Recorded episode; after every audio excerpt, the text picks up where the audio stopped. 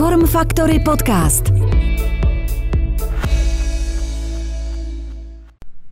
Dobrý den, ahoj, moje jméno je Kuba Hrubeš a vy už vítejte u Fitcastu Form Factory Fitness. V našich podcastech vám přinášíme rozhovory se zajímavými hosty, kteří nám mají co říct, a to hlavně o tématech týkajících se fitnessu, zdraví, sportu i života jako takového. Někteří z nich nám navíc vypráví své příběhy, které se právě pohybu a zdraví nějakým způsobem týkají. Kdyby si měl vybrat sporty, které jsou poslední dobu, jak se říká, v hypeu, tak jsou to rozhodně bojová umění. Ať už jde o MMA, box nebo třeba Krav Magu, tak mi přijde, že se o tom prostě mluví skoro na každém rohu. A počet lidí, který se těmhle sportům věnuje, neustále roste. Já se v tom teda popravdě úplně nevyznám. Spíš se koukám na sporty, kde chlapi honí míče, míčky nebo třeba puk. Ale právě proto tady máme naše hosty, kteří o tom vědí daleko víc než já. A nejen jak tomu bude dneska, protože jsme se domluvili na natáčení se slečnou, která se skvěle orientuje právě v bojových sportech, protože je velmi úspěšnou profesionální boxerkou. Ale kromě toho, že v ringu rozdává direkty, tak ještě rozdává krásu na modelingových molech. No a to je kombinace, kterou jsem si prostě nemohl nechat ujít. A jsem hrozně rád. Rád bych tady přivítal modelku a profesionální boxerku v jedné osobě, Lucii Sedláčkovou. Lucko, ahoj. Ahoj, Kubo. tak, Lucka, hned to řeknu na začátku, je maličko hlasově indisponovaná. Udělali jsme si teda antigenní test, takže to by mělo být úplně všechno v pořádku. A když e, nebude křičet, tak se tomu nedivte. Má takový hezký chrapláček, ale myslím, že to bude, myslím, že to bude v pohodě. Veď? Doufám. OK. Tak Lucko, abych tě na začátek trošku představil. A tak, ty jsi profesionální boxerka. Abych představil tvoji kariéru, tak jsi dlouholetá reprezentantka České republiky v amatérském boxu. Jsi mistrině České republiky, mistrině Evropy, asociace WBO, juniorská mistrině světa a stříbrná mistrině světa uh, WBC v profesionálním boxu. Aby jsme si to tak trošku rozdělili na začátek. Jaký je rozdíl mezi profesionálním boxem a amatérským boxem, protože pro mě je to, že vidím, že ty kluci na olympiádě, že to jsou amatéři a že mají helmu a profici, když je vidím v ringu, tak tu helmu nemají, ale ono to bude asi trošku víc, že jo? Mm-hmm. Tak abych to vedla na pravou míru, tak já musím říct, že ty pravidla se opravdu snad každý rok mění a po každý je to jiný. Uh, dřív třeba za mě, když jsem boxovala amatérský box, tak uh, profesionální boxeři nemohli například na olympijské hry mm-hmm tak to bylo v rozdělení, že opravdu ten, kdo byl profesionální boxer, byl profík a ten, kdo vlastně byl amatérský boxer, tak mohl na olympijské hry. Dneska už je to dohromady, dneska i profík může na olympijské hry. Mm-hmm. A jaký je v tom rozdíl? Tak určitě v té helmě. Mm-hmm. Uh, za mě, když jsem boxovala amatérský box, tak jsem měla helmu. Uh, měla jsem větší rukavice, desetipalcové. Aha. Teď boxu... To je váha teda, počítám. Desetipalcové jsou jako těžší? Uh, velikostně. Velikostně, aha, aha, aha. aha. Uh, čím menší rukavice jsou, tak tím to bolí víc. Jasně, jasně, jasně. Tím je asi větší tlak na to dané mm-hmm. místo. Aha, jasně. A vlastně uh, je to rozdíl mezi počtu těch kol. Mm. Já mhm. jsem boxovala, za mě se boxalo čtyři, čtyři kola po dvou minutách Aha. a dneska vlastně boxuju 10 kol po dvou minutách. Okay. Chlapi boxují až 12 kol po třech minutách a jinak amatérský box 3x3 minuty. Aha. Ono se to asi takhle nezdá, že jo, když chlapi třeba boxují 12x3 minuty, tak je to 36 minut. A to, když si člověk řekne, tak si říká, hele, jdu si zabijat na půl hoďky, tak je to v pohodě, ale tady to asi bude ve větší intenzitě, že jo, trošičku jako... Je to neuvěřitelný. Já jsem fakt můžu říct, že jsem ráda, že boxu ty dvě minuty, protože ty tři minuty, ta minuta navíc jde opravdu znát. Plus Aha. dvě kola navíc, tak uh, je to znát. Aha. Tak to máme zase takový hezký úvod. My teďka krásně navážeme a první téma, o kterém se bych, po, teď jsem se zakoktal já sám, o první téma, o kterým bych se chtěl bavit je box, ať navážeme. Ty jsi teďka v tuhle chvíli tady už profesionálka. Já se tě chci ale zeptat trošičku víc obecna. Jo.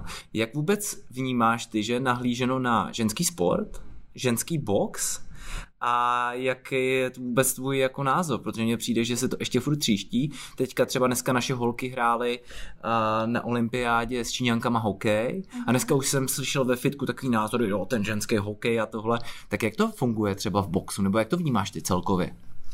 Já si myslím, že v dnešní době je, uh, udělali jsme obrovský um, průlom. Aha, jasně. Uh, a proces, kde vlastně dřív to bylo opravdu složitější. Uh, já vlastně, když jsem koukala do historie, kdy, kdy teprve holky začínaly boxovat a ženy, tak oni boxovali už dřív, třeba 19. 17. století, ale byly to samé exibice.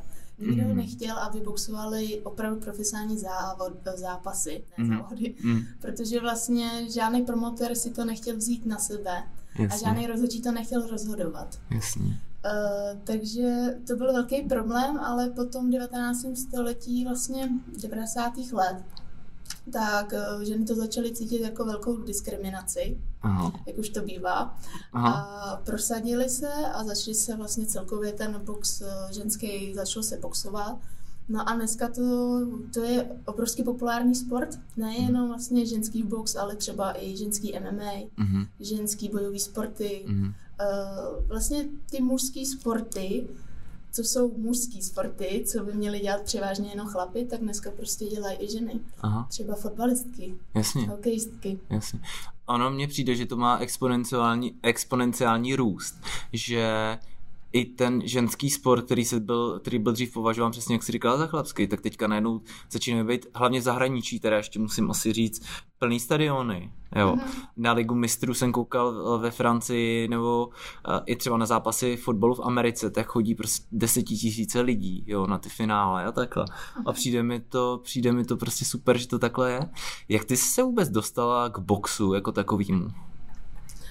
Uh, tak no, já si myslím, že můj příběh skoro každý zná. Já jsem se vlastně dostala v boxu tak, že osmi letech jsem viděla poprvé box v televizi. Náhodou, Aha. já nevím, můj táta se na to díval, nebo zrovna to přepínal, Aha. nebo usnul televizi a viděl tam box. Ale uh, viděla jsem to, měla jsem jít spát a já jsem viděla vlastně box poprvé v televizi, kde vlastně dva pánové stáli naproti sobě a mlátili se. Mm-hmm. A mně se to strašně líbilo, jsem to viděla poprvé. A od té doby jsem prostě měla myšlenku, že chci být boxerka, začala jsem si na to hrát, furt před spaním jsem nad tím přemýšlela, myslela. Mm-hmm. A od té doby jsem se mi to takhle to, no, že... Takže není to tak, že by si měla předtím nějaký jako jiný sport, který by tě k tomu přivedl, já nevím, třeba nějakou gymnastickou průpravu nebo něco takového, co mě napadá, nebo nějaký cokoliv. To... Ale byl to rovnou box? Nebo ne, to, to ne, to bylo takhle vyloženě, že jsem si sama vybrala ten sport, ten aha, box. Aha ale já mám hodně založeně uh, sportovní rodinu. Aha. Maminka byla gymna, uh, trenérka gymnastiky Aha. a dodnes dělá, běhá maratony a, a cyklistiku a moje ségra třeba jen tak si dá triatlon, prostě já nevím, co dnes se z gauče je schopná tohle dát bez nějakého tréninku, třeba třeba prostě nechápu. Aha. Takže já teda taky ne, popravdě. Ne.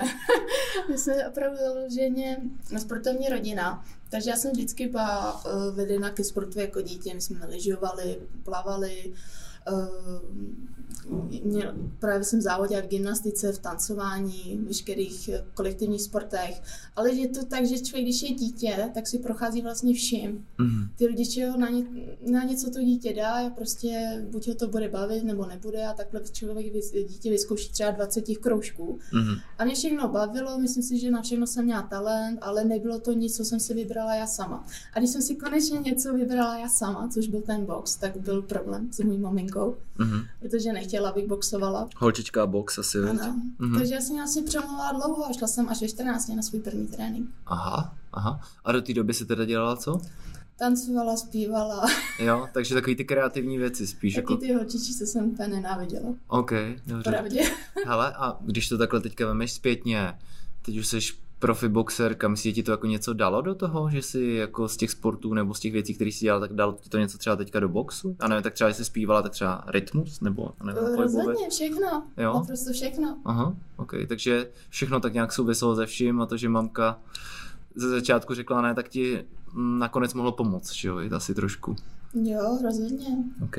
Hele, a kdy jsi ty řekla vlastně, takže ty jsi začala ve 14 boxovat, Kdy jsi řekla, že budeš profík, nebo že půjdeš prostě do toho jako naplno?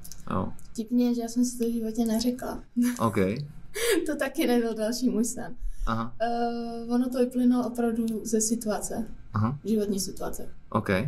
Kdy já jsem vlastně, uh, já jsem vlastně dělala amatérský box, byla jsem, v, byla jsem vlastně v Praze v reprezentaci uh-huh. a uh, Pak vlastně, když už jsem chtěla nějakou změnu boxu mm. a dodělala jsem školu, tak jsem se vlastně rozhodovala, co dál budu dělat, protože amatérský box mě neživil, mm. neměla jsem za to peníze a vlastně mě napadlo, že budu muset jít do práce, abych se jasně, uživila. Jasně. A v tu dobu, když jsem skonči, skončívala v amatérském boxu, tak mě vlastně oslovil Lukáš Konečný, byl vlastně promotér a manažer a chtěl mě vlastně eh, k sobě do profi stáje Aha. a já jsem vlastně, on spolupracoval i s německou stájí a měli o mě velký zájem. No a já jsem tak půl roku přemýšlela vlastně, co budu dělat. A pak mě vlastně napadlo, že bych vlastně, že by bylo super, kdybych furt boxovala a ještě za to byla jako zaplacená. Aha. Takže takhle náhodně jsem se stala profíkem a myslím si, že to bylo nejlepší rozhodnutí. Hele, eh, co na to za říká mamka tvoje teďka v tuhle tu chvíli? A myslíš si, třeba nás eh, poslouchají nějaké, některé z posluchače, které jsem chodí cvičit, asi by se zbáli svoji holčičku třeba dát na box, tak řekla bys jim o tom něco, abys to jako třeba nemyslím teď obhájila, ale aby si řekla jako proč třeba by to tak mělo být a co tam můžou očekávat, když by dali svoji dceru na box?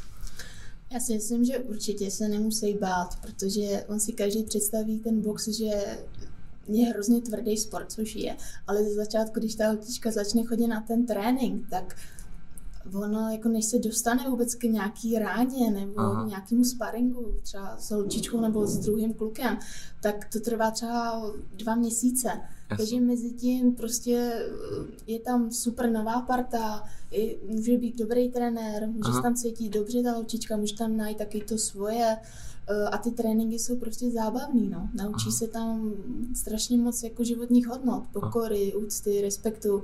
Mhm. Asi taky určitě v jiném sportu, ale v tom boxu je to takový daný, že ten člověk si musí naučit všechno.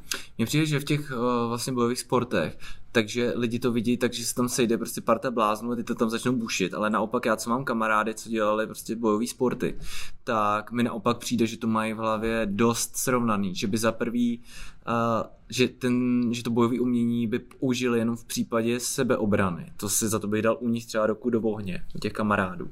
A naopak, že je to jako dobře nastavilo jako lidi hlavně. Mi to přijde, ten mindset jejich je jako super, že to nejsou žádný agresivní prostě výbušný lidi, ale naopak, že jsou jako v klidu celkem. Já, ty jsi to řekl přesně, správně. Hmm. A naopak třeba holčičky, ale samozřejmě holčičky, ale většinou kluci to tak mají, že třeba když jsou agresivní nebo se furt berou, že ve škole nebo jsou problematický, tak ten box je prostě skvělý sport pro ně, protože oni se tam vyřádějí, najdou si tam přátelé mm-hmm. a ty emoce, co to dítě má jako, jako malý dítě, neumí se s tím vyrovnávat, tak mm-hmm. prostě v tom tréninku se může vyrovnat se spoustu mm-hmm. emocemi a já si myslím, že to je opravdu skvělý. Mm-hmm. Tak nemusí se rodiče bát. Okay. Co teda tvoje mamka ještě, co na to teďka říká, na tvoji kariéru? Nebojí se vždycky, když zápasíš? Nebo... Jo, bojí po každý. Po každý. Ale je to moje největší faninka, no. Okay. Po každý je v první řadě a kouká na mě. OK. Tak zdravíme maminku a jsme rádi, jsme rádi z hlediska tvý profesionální kariéry a i třeba reprezentaci České republiky jako státu, že ti to nakonec dovolila nebo že se k tomu dostala. nebudem, nebudem to dál rozebírat. Tak, a jaký je život profesionální boxerky? Um, já si to užívám. Jo, co to znamená? Co to je? Jak si to mám představit teda? Já jsem se v tom našla. OK. Mně se strašně líbí to, že vlastně i když je to stereotypní docela život, rutiny, Aha. že vlastně mám datum zápasu, od toho datumu zápasu se odvíjí moje tři, čtyři měsíční příprava Aha. a já vlastně jsem nastavená v té hlavě, jak mám každý den fungovat a má to je fakt taková stereotypní rutina, kterou dělám neustále.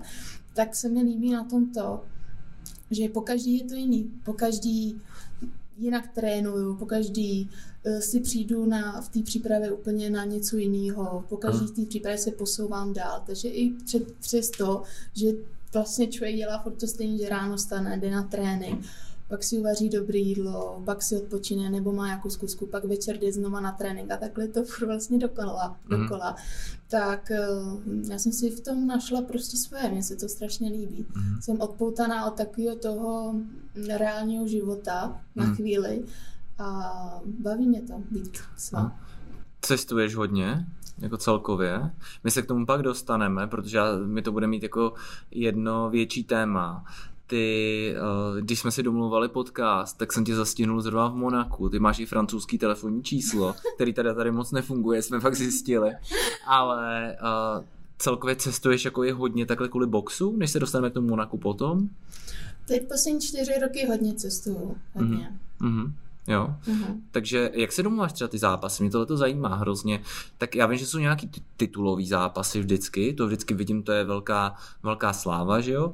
Ale a jak, jak, jak normálně, jak často třeba boxuješ, jak často máš zápas? Protože že jo, to není jako když si odehraješ fotbalový tkání, ok, tak mě bolí tři dny nohy a občas mě někdo nakopne, tak mě to bolí týden, ale ty potom přece v boxerském zápase musíš být trošku taky, pokud nemáš helmu, tak musíš být taky trošku, jak bych to řekl slušně, a Slučená. stlučená, ano. Ano, ano. Mhm, takže jak často třeba uh, zápasíš? Nebo jak často máš zápas? Většinou opravdu na té vrcholové úrovni jsou většinou dva až tři velký zápasy do roka. Mhm. Víc ne. Mhm. Když nejsou titulový zápasy, tak můžou být třeba čtyři až pět malých zápasů. Jasně. Ale většinou dva, tři zápasy do roka maximálně. Okay. Podle čeho je určený teda místo toho zápasu? Ještě mě zajímá, jaký destinace si třeba navštívila z hlediska toho cestování. Uh, tak já jsem vlastně, do, já jsem vlastně boxovala často v České republice, Mhm. eh, v Německu, kde jsem vlastně měla německou stáj. Mhm. Uh, a to je vlastně zatím všechno. Jo, Zatím všechno. OK. Tady aspoň vidíte, že jsme se na to dopředu nedomlouvali, protože já jsem čekal Singapur a Ne, ne, něco ne, takového. Ne, ne, ne, ještě, a tak třeba, třeba to přijde, veď. a ono taky, jestli, taky je otázka, jestli bys to chtěla, protože všichni chtějí furt cestovat, ale ono je rozdíl dovolená nebo práce, že jo, tak jo, to jsou, to jsou rozdíly.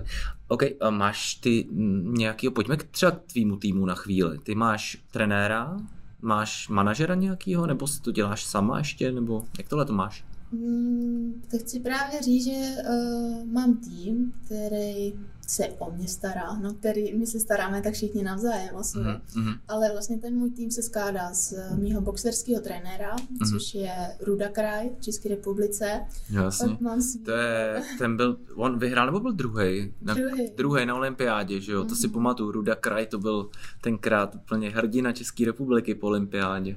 Jasně, jasně, no, Je pořád rodina. to je jasně, no jasně, to, to, to, to je pořád, tak kdo vyhraje jakoukoliv, kdo je na olympiádě, tak je pro mě hrdina, ale tenkrát to bylo neuvěřitelný úspěch, že jo, já si to pamatuju do dneška, jak jsme fandili doma. No jasně, takže Ruda Kraj je tvůj trenér boxu, Mhm. koho máš dál v týmu? Uh, pak mám kondičního trenéra, který sídlí v Monaku, to je taky další Ruda, se jmenuje. Jasně, jasně. A vlastně teď jsem před měsícem podepsala smlouvu v Americe s um, americkým manažerem, takže ten vlastně mám boxerského manažera Aha. nyní. Aha, To je vlastně můj agent, který on se stará o mý zápasy a domluvá mi zápasy po celém světě, takže já doufám, že se dostanu do Ameriky skvělý. a, nebo do Anglie. Aha, A, a ještě vlastně mám manažera, co se týče mě jako marketingu, sponsoringu a PR. aha, aha, aha. A ještě jich potřeba nějakého mentálního teda. Jo, no tak vidíš, tak to se pak můžeme domluvit, jo? Já ti pak dám vizitku, vidíte, a takhle se dělají biznesy i v podcastech v úplně jiných biznesech, než byste to čekali.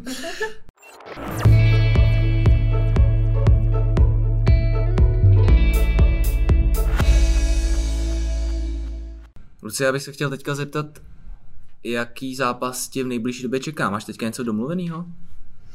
Mhm, tak vlastně, jak jsem podepsala smlouvu s americkým manažerem, tak je to vlastně Promotion Split. Mhm. Eh, Tenhle ten Brian Cohen, ten manažer, tak eh, je to, já, si, já můžu říct, že to je asi první manažer, který se věnuje pouze ženskému boxu. Mhm. Má pod sebou 23 ženských boxerek. Mhm. Eh, Všichni to jsou mistřeně světa, kteří drží pásy, takže má za sebou velký výsledky. Takže jsi se dostala do dobré společnosti, očividně. Já ano, já myslím, že pevně tomu věřím, že ano. Mhm. A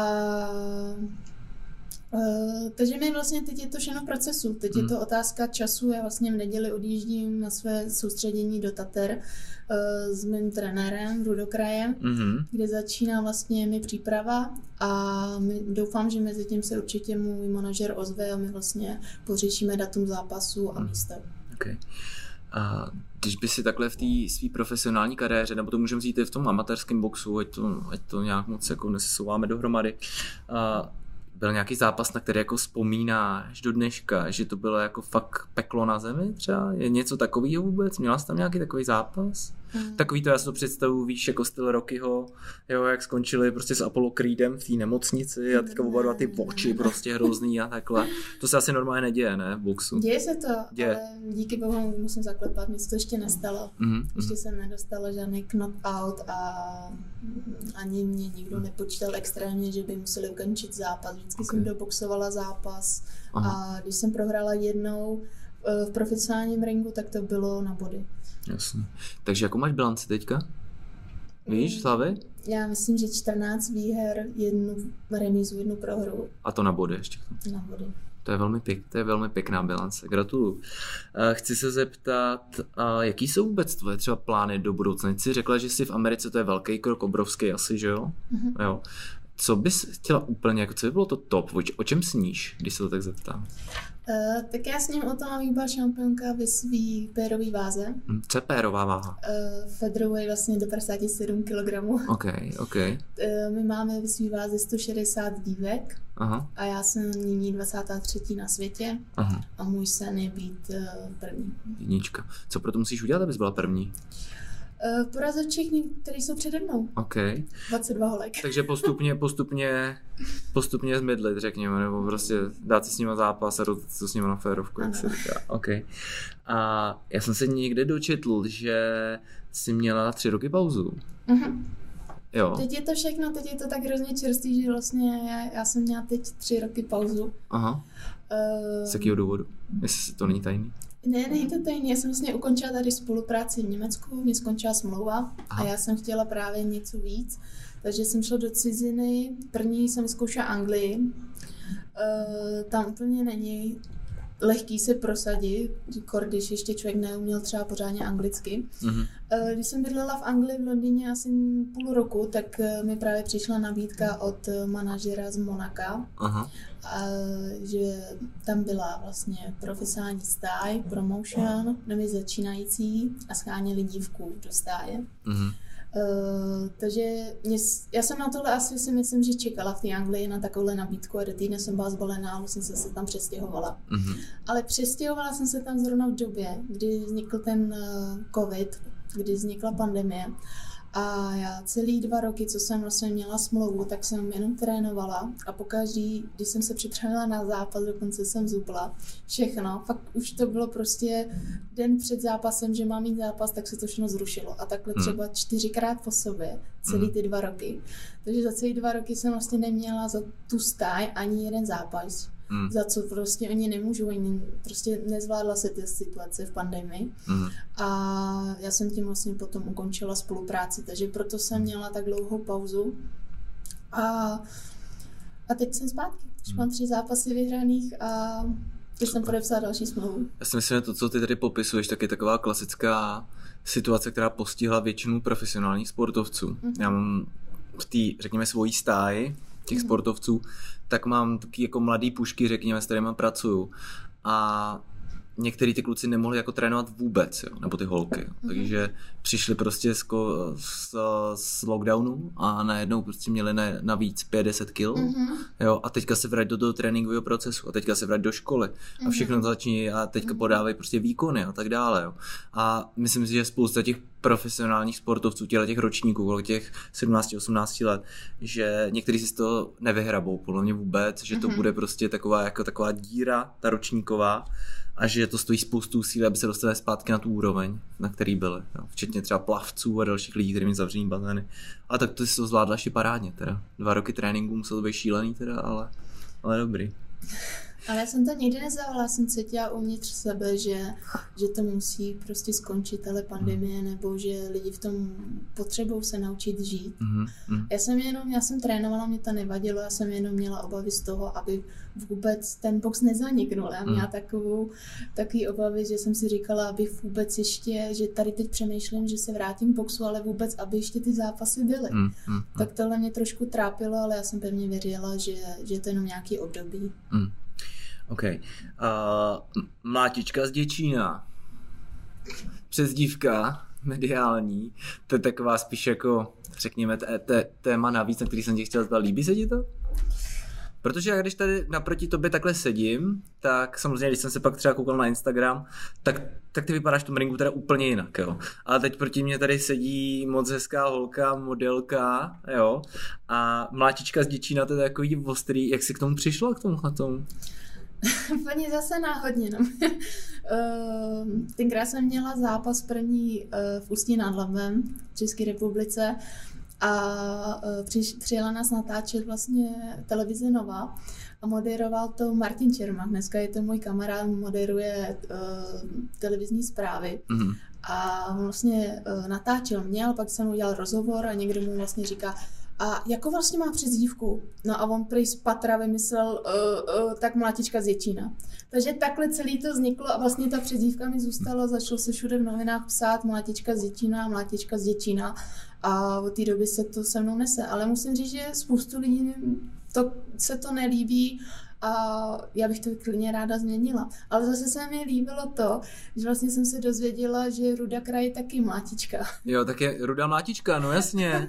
No jasně, Ruda mlátička, to si pamatuju, že jsi říkala. Takže jsem říkala, že je to asi souzený nám. OK, jste dvě mlátičky v jednom týmu, mm. to je aspoň, aspoň dobrý. Uh, ty jsi zmínila, že teďka teda asi cestuješ, protože my natáčíme v Praze, takže cestuješ hodně asi Monako, Praha, Praha, Monako, je to mm-hmm, tak? Je to okay. tak. Jaký je život v Monaku? Já když se řekne Monako, tak si představím plachytnice a přístav a fotbalový klub a zapadající slunce a červánky a francouzský víno, i když víno moc nepiju, ale to je jedno. A, a jaký to tam je Monaku? Jak se ti tam žije? Přesně tak, jak jsi říkal. Jo, takhle to je, jo. takhle to je.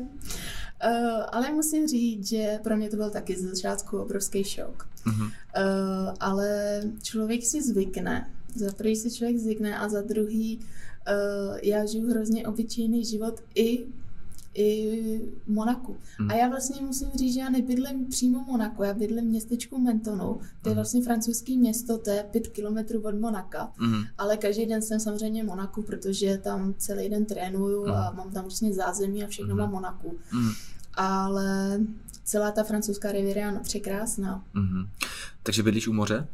Bydlím přímo u moře, přímo. Pane bože, to je nádhera. Já jsem byl v květnu, uh, jsme byli Eh, s mojí teď už vlastně nepřítelkyní Snowbankou dokonce, jak jsme byli v Kostarice a měli jsme tam, měli jsme tam takovou velkou u moře, jsme měli pro najmu to a to bylo nejhezčí. Vlastně jsme tam žili s přírodou, takže to byl totální střed s pralesem, včetně vš- švábů, opic a obrovských ještěrů. Mm-hmm. Ale byly to věci, na které já jako nikdy nezapomněl. Říkal jsem si vždycky, mhm. že bych chtěl aspoň třeba část života žít u moře, to musí být super. Takže ty vylezeš ven, jsi na pláži? A když... Ano. Okay. Kolik je teďka stupňů v Monaku? Máme únor, začátek? 15, 17, krásně 15, 17. A v létě? Jo, až 30, kolem 30, okay. 35. Okay. To léto musím říct, že tam je opravdu hrozně náročný. Je tam mm. opravdu velký vedra a mm. člověk Většinou ty lidi v Monaku vlastně jedou do jiné destinace. Okay. Co mě ještě se vybaví při uh, slovu Monaco, tak je asi modeling, ten světový modeling, úplně mi to tam k tomu nějak tak sedí. Já, když jsem tě představoval, jsem říkal, že jsi i, uh, můžu říct, profesionální modelka, nebo modelka asi, jenom stačí. Jak jsi se dostala k modelingu? Teda kromě toho, že dobře vypadáš samozřejmě, tak jak jsi se k tomu jako dostala celkově? To byla taky náhoda. Já vlastně od malička dělám sport, dělám box a vždycky mě i přesto mě vždycky zajímala móda, holčičí věci, uh, make-up, líčení, uh, styling a vždycky jsem se zajímala i o tuhle část. Uh-huh. A vždycky jsem vždycky třeba nějaký kamarádky chtěli pomoct, já nevím, a třeba se jim líbilo můj obličej, tak tak mě vzali jako modela, aby mě třeba nalíčili, abyste to mohli vyzkoušet. A takhle postupně jsem se dostávala náhodně mezi těma lidma. Až vlastně nakonec jsem podepsala uh, další modelingovou agenturu, kdy jsem vlastně už profesionálně dělala modelku a fotila a chodila po molích. Uh, začala jsem mi nějaké reklamy. A vlastně dokonce i moje teta mě náhodou jednou takhle uh, ze strany přihlásila na soustředění, nebo já nevím, jak se to dá nazvat, na, na soutěž modelingu mm-hmm. s Dominikou Mesárošovou, tenkrát jsem do Egypta. Aha. A já říkám, no to tak pili jsme víno, byla sranda a já říkám, tak mě tam přihlaš, no. A ona mi tam fakt přihlásila, druhý den jí napsali, že teda ať přijdu na casting. tak já jsem přišla na casting a vybrali mě, jela jsem tam a celý jsem to vzala prostě tak jako ze srandy, že, že to bude super, že budu s holkama u moře a že se Aha. seznámíme, že to bude takový odreagování od toho boxu. No a nakonec jsem to vlastně celý vyhrála, takže to mě taky posunulo dál. A přišly další nabídky třeba v tom modelingu. Mhm. A, a mně se to líbí, ten svět modelingu, mně se to líbí. Okay.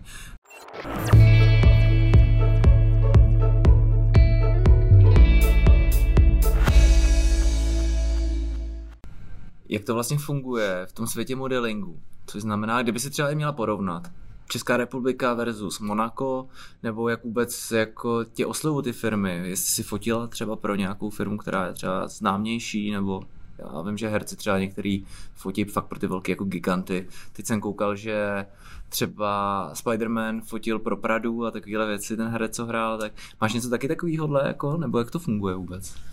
Uh, to mě teprve čeká, takovýhle velký firmy. Jo, jasně, jasně, jasně. ale, Proč ne? uh, ale je to vlastně ve fázi, kde, já nechci říct fázi.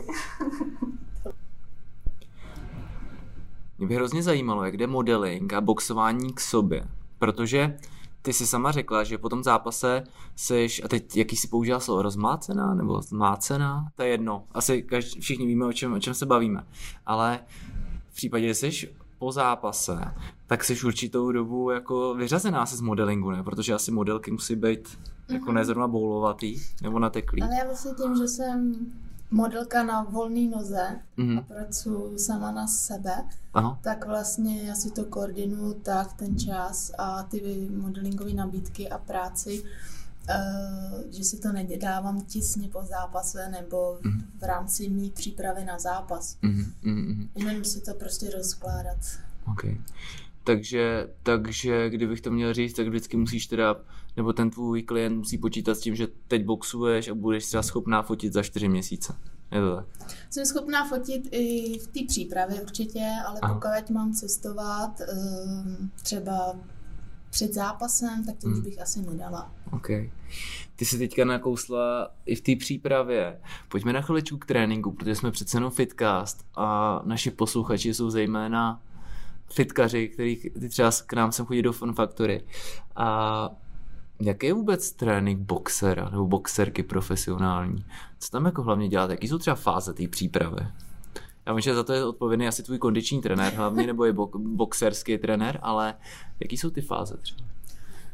Uh, tak vlastně u mě se to uh, u mě se to počítá od datumu zápasu Mhm. a od datumu zápasu se mi vlastně udělá uh, tréninkový plán přímo na míru, Mhm. o který se vlastně stará můj znamený Štěpán Horvát. Zdravíme Štěpána. Ahoj. Ahoj. A ten vlastně udělá takovou kostru tréninku na podle toho, kolik času máme na ten zápas. Někdy to jsou tři měsíce, někdy čtyři, někdy to jsou dva. Aha. Musíme prostě fakt improvizovat v tomhletom a být Mhm. profíci. A on udělá takovou kostru uh, celý tý, toho tréninkového plánu Mhm. a my vlastně trénujeme v křivkách. Mhm. Co to znamená?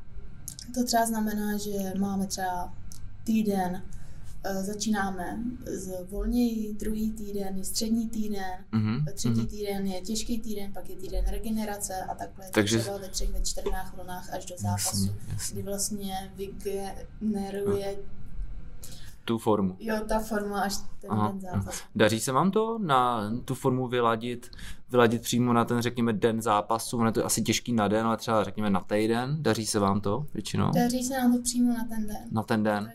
A co to znamená? Ta forma pro tebe, ta vrcholná forma. Já, to, je tak, to je takový pocit, že ještě den před vážením si člověk myslí, že tam ani není schopen dojít. Aha, jasně. bolí, Aha. jakou má psychiku, jak ho bolí celé tělo, myslí si, že není schopen ani pomalu dojít na váhu. Mm. A potom v ten den zápase se to prostě úplně zlomí. Mhm. Úplně, a je to ten den jde. Mhm. OK. Kdybys měla říct třeba ty, protože mě to, to hrozně zajímá, ty třeba ty pocity, jak se pak cítíš, když ta forma přijde, tak co to je? Co to je jako za, jako že máš pocit, že Je to takový know-how, no, je to takový adrenalin, že vlastně třeba člověk ani z toho dnes nic nepamatuje. Aha, takže máš prostě, a před tím zápasem se prostě, tomu se říká flow asi, to je flow stav, jo, klasicky, kdy jsi prostě v takový tý, v takový tý zóně toho maximálního výkonu a člověk prostě plyne čas, že ani nevíš a tak dál. Pamatuješ si něco z těch zápasů vždycky teda, když jsi v takovém v takovém tranzu, řekněme? Uh, ano, pamatuju si, pamatuju vlastně, víš, skoro všechno. Jo. Uh, je nějaká třeba, řekněme, emoce, když jdeš do toho ringu, která je jako negativní, třeba která ti tam naskakuje, co znamená, bojíš se někdy třeba před tím zápasem? Mm-mm, já se nikdy nebojím a nikdy nemám strach vyloženě, Aha. nebo nějaký stres, nebo úzkost, nervozitu. Hmm. Uh, neznám to. Jo, ok. A myslíš, že to má takhle většina těch jako zápasníků? Ne, nebo? já musím říct, že co znám, tak jsem jedna z mála, která to tak nemá. Aha, aha. Myslím si, že jsem psychicky odolnější, nebo mm-hmm. odolnější. Mám tu hlavu nastaveno, takže je mi to hrozně přirozené. Já tím nemusím ani přemýšlet. Mm-hmm. A mě je to hrozně přirozený. Mm-hmm. Je to, já jdu do ringu, když člověk jde ráno třeba okay. si koupit kafe. Aha. To to, to, to je super. A co se týče třeba cvičení, co třeba děláte? Jako samozřejmě máte boxerský trénink, asi lapy, pytel, počítám, ring. A co, co se týče té tý silové části nebo běhání, tak mohla bys to třeba zkusit nějak, já vím, že to moc nejde jako úplně, úplně jako do detailu, třeba nějak obecně jako popsat, co třeba jako děláte, co cvičíš, co děláte za cviky, protože to bude lidi zajímat, že? co dělá profi boxerka, co třeba děláte v posilovně. Tak uh, ono něco to třeba uh, odvíjí od toho, že si vždycky spočítáme, uh, na kolik jdu kol, kolik minut já boxu, mm. kolik mám přestávky, uh, kolik vlastně mi celkově vyjde ten zápas, mm-hmm. třeba 12 minut a podle toho se nastaví ten trénink, podle mm. toho vlastně my trénujeme jak výbušnost, tak rychlost, tak tvrdost, tak vytrvalost, mm-hmm, všechno dohromady. Jasně, jasně. OK. Děláte takový ty klasiky, dřepy s činkou, mrtvý tahy, přední dřep, příte. Uděláš chyb? To mě no, jo. Kolik uděláš chybu? Já nenávidím chyby, k smrti nenávidím a můj trenér kondiční to ví a teď je do mě hodně sypal. Aha, aha. Takže teď už udělám třeba 20. 20 chybů uděláš? 20 přítahů? Ano. Mhm. Takže, pá... takže pánové, uh, proti mě sedí uh, Lucka a udělá 20 chybů, tak se na to zítra pověste na tu hrazdu a schválně si zkuste udělat takovou mini, mini challenge proti Luce. Takže 20 pěknou, jo, tam hodit zítra na zítřejším tréninku. OK. A ty si ještě řekla, že to ladíte. Uh, je tam, máš nějaký speciální, jako třeba jídlo, jako nutrici? Jako, ano, ano. Jo. A co, co, je, co jedeš? Nebo Já jsem si zapomněla, že v tom týmu ještě mám uh, pana Jedinka, ten nutriční specialista. Aha, aha. Uh, tak s ním vlastně spolupracuju už rok. Začala jsem s ním spolupracovat v době pandemie, kdy jsem si říkala, musím začít něco studovat, jinak nevím co. Mm-hmm. A začala jsem studovat, já udělala jsem si spoustu kurzů u něj, začala jsem studovat přímo výživu pro sportovce. Mm-hmm. A od té doby vlastně my spolu spolupracujeme, takže říkám, když je datum zápasu, tak se udělá kostra tréninková mm. a udělá se rovnou i kostra jídla, jídelní, jasně. A, a tyhle dvě věci do sebe zapadají a vlastně je to taková alfa omega. Já vlastně, když jdu na trénink, tak to stejné, co si připravu na trénink, si připravím tašku a oblečení a musím jít na ten trénink, tak tak si připravím i jídlo na celý den. Hmm. Takže já jdu s dvěma taškama, kde mám, v druhý mám vlastně jídlo a v první mám věci na trénink. Hmm. Uh, já vím, že to, že to bude tajemství, je třeba takový Djokovic si tohle to hrozně, hrozně hlídá, to know-how, co on jí, co nejí a že občas něco unikne a teď nikdo neví, jestli to pravda nebo ne. Tenkrát si pamatuju, že uniklo, že, on, že nejí lepek, že jo, a najednou půlka tenisového světa přestala jíst lepek, ale mohla by si třeba jenom nastínit, v čem ta tvoje třeba strava je, je jako special, nebo co jako dodržuješ třeba, já nechci jako to, ale tak třeba, já nevím, je to low carb, nebo dodržuješ třeba... Ne, jo, ono v tom není úplně žádný tajemství. Mm-hmm. Právě to je to, že my žádnou dietu nedržíme, že mm-hmm. ani prostě to se nedá nazývat dieta, je to tak, že všechno, já, co, já ani nepoužívám suplementy, já všechno jedu na přírodní bázi, já nepoužívám, maximálně si dám C, mm. jinak uh, žádný suplementy BCAčka, proteiny, nic mm. takového nepoužívám. Co třeba omega-3 mastní kyseliny? To taky ne. Ne, ok. No, to mám z jídla. Jasně. A ta strava se skládá z toho, že vlastně je pro mě důležitý jíst třikrát denně mm. a mít uh, nutričně správně mít všechno na talíři, takže třeba, třeba určitě sacharidy, tuky, bílkoviny, vlákninu. vlákninu. Mm.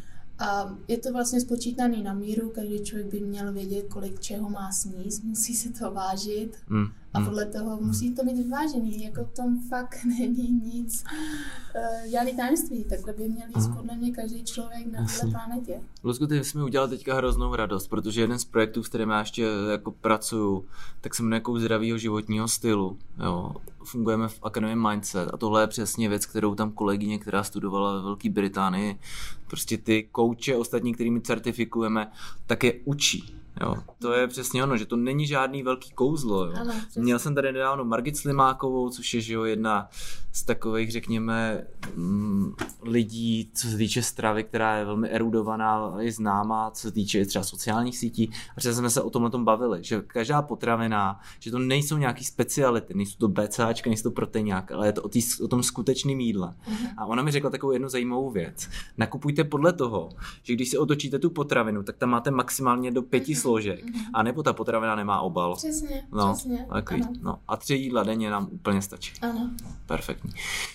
Tohle je skvělý, protože ty jsi profesionální sportovkyně a velké množství profesionálních sportovců, ať už třeba právě těch, jak já rád říkám, mladých půšek kolem těch 18, o tomhle nemám vůbec ponětí.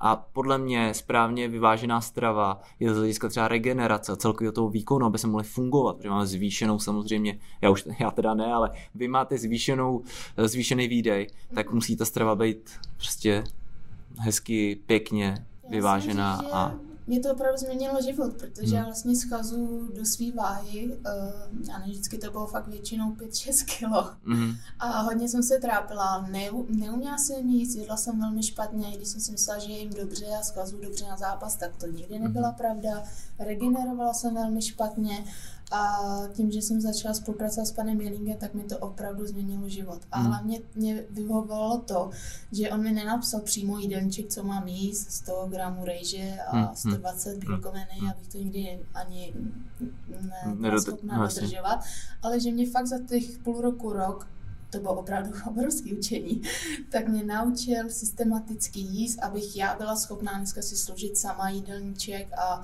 pomoct třeba i dalším lidem. A já jsem za to nesmírně šťastná. Já prostě dneska vím, jak nakupovat, když přijdu do restaurace, vím, co si objednat, z čeho si to mám objednat, jaký olej tam mám dát. prostě to, mě to změnilo život a já jsem tím hmm. pomohla i třeba mojí rodině, mojí mamce hmm. a spoustu lidem takhle.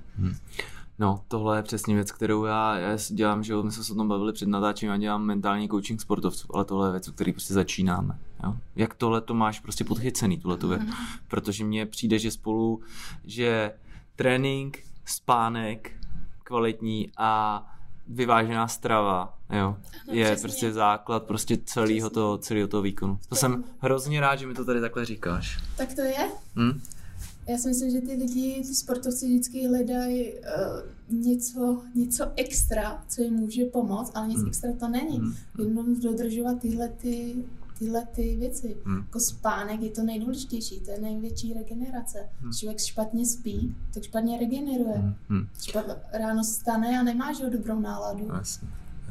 Já jsem teďka, nebo ne teďka, já už jsem si to koupil asi před, eh, před rokem, já jsem měl hrozný problémy, hrozný problémy se spaním. A koupil jsem si na, eh, vlastně díky tomu, že mi to řekla moje kamarádka, tak jsem si nechal ušít takový ten polštář pro kojící maminky, který si prostě takhle dostane takový to vypadá to jak lí, takový to americký lízátko, máš to taky? No to je nejlepší, to, ale to, to vám doporučuji, kdybyste mohli, tak si kupte na spaní, pokud kort máte problémy třeba s kyčlema, a bolej vás po sportu, tak je to prostě úžasné. Mm-hmm. Okay. Uh, poslední věc, jenom ještě k tréninku. Ty jako uh, fighter, řekněme, cvičíš hodně mobilitu? Ano. Jo. Mohla by si říct, co to je CCA, mobilita? Uh, pliometry, mobilitu Mm, cvičení, mm, mm. uh, stretching. Já Mm. si myslím, že mobilita je forma stretchingu. Jo, jo, je to kloubní, jsou to kloubní rozsahy. Jak to třeba cvičíte před tréninkem, po tréninku? Před tréninkem vlastně my tím začínáme každý trénink minimálně 20 minut. Mhm, Pak až je to v rámci rozcvičky a pak až začíná daný trénink. mhm, mhm, OK.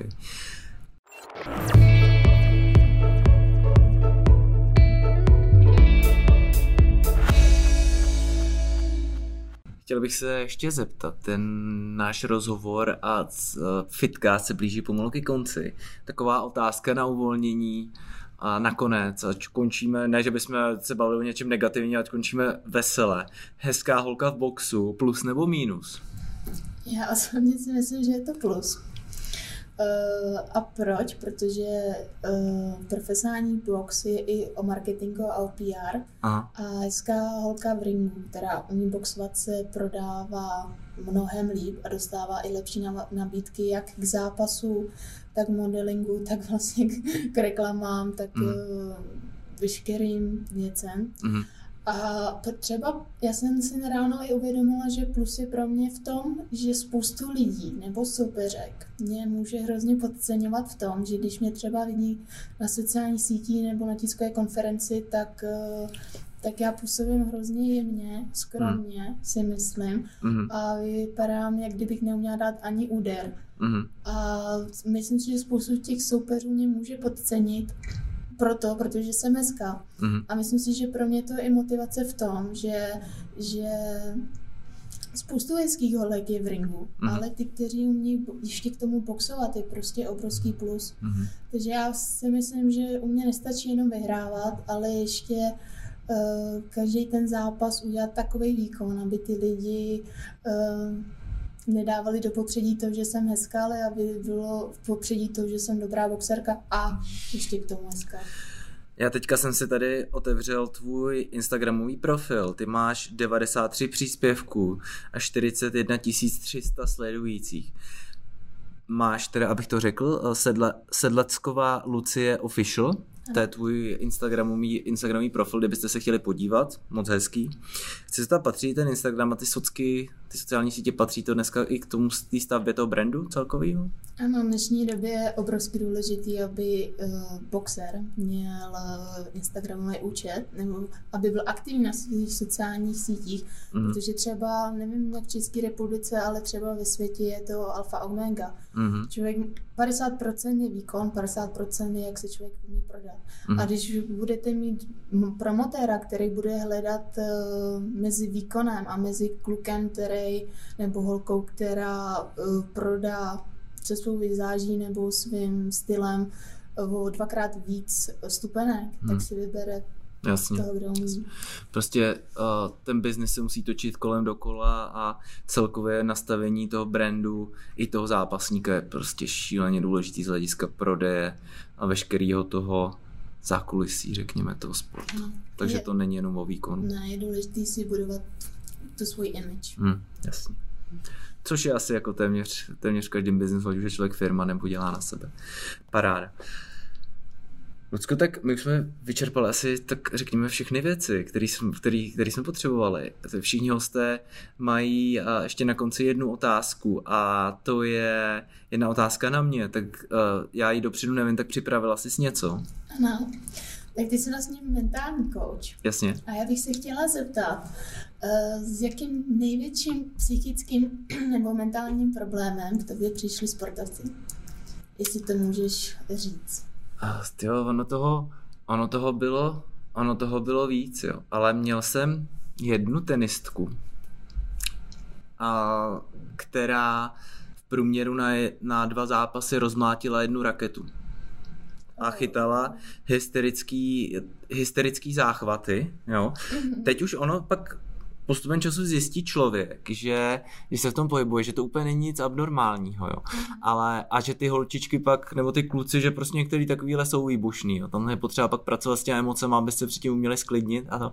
Ale tohle bylo doopravdy jako řekněme hardcore. Já jsem se pak byl podívat na pár, zápas, na pár zápasech a to byl úplný amok, že lítali jako třísky z té rakety. Tak to asi bylo, ale nakonec se nám to povedlo. Samozřejmě občas jsme měli něco, vymysleli jsme různé taktiky a techniky, že jsme křičeli do, že jsme třeba křičeli do ručníků na střídačce a když to na nás přišlo, tak jsme vymysleli to, že eh, ten vztek, který v sobě máme, tak je prostě červený kouř, který musíme ze sebe dostat a vyfouknout pomocí různých dechových cvičení. Mm-hmm. A samozřejmě tam byl problém v tom tenise 20 vteřin mezi míčkama a dvě minuty mezi gemama a třeba 3-4 minuty mezi setama. Takže je to fakt jako malý čas, na to se dá dohromady. Mm-hmm. Jo? Ale aspoň tam nějaký to mrtvý místo je, na rozdíl třeba od boxu.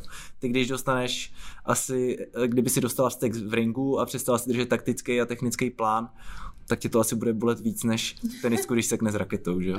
Je to tak? Ano, Musíš držet kontrolu? Musíš držet kontrolu hodně v ringu nad sebou, aby si nedostala vztek, když dostaneš třeba ránu?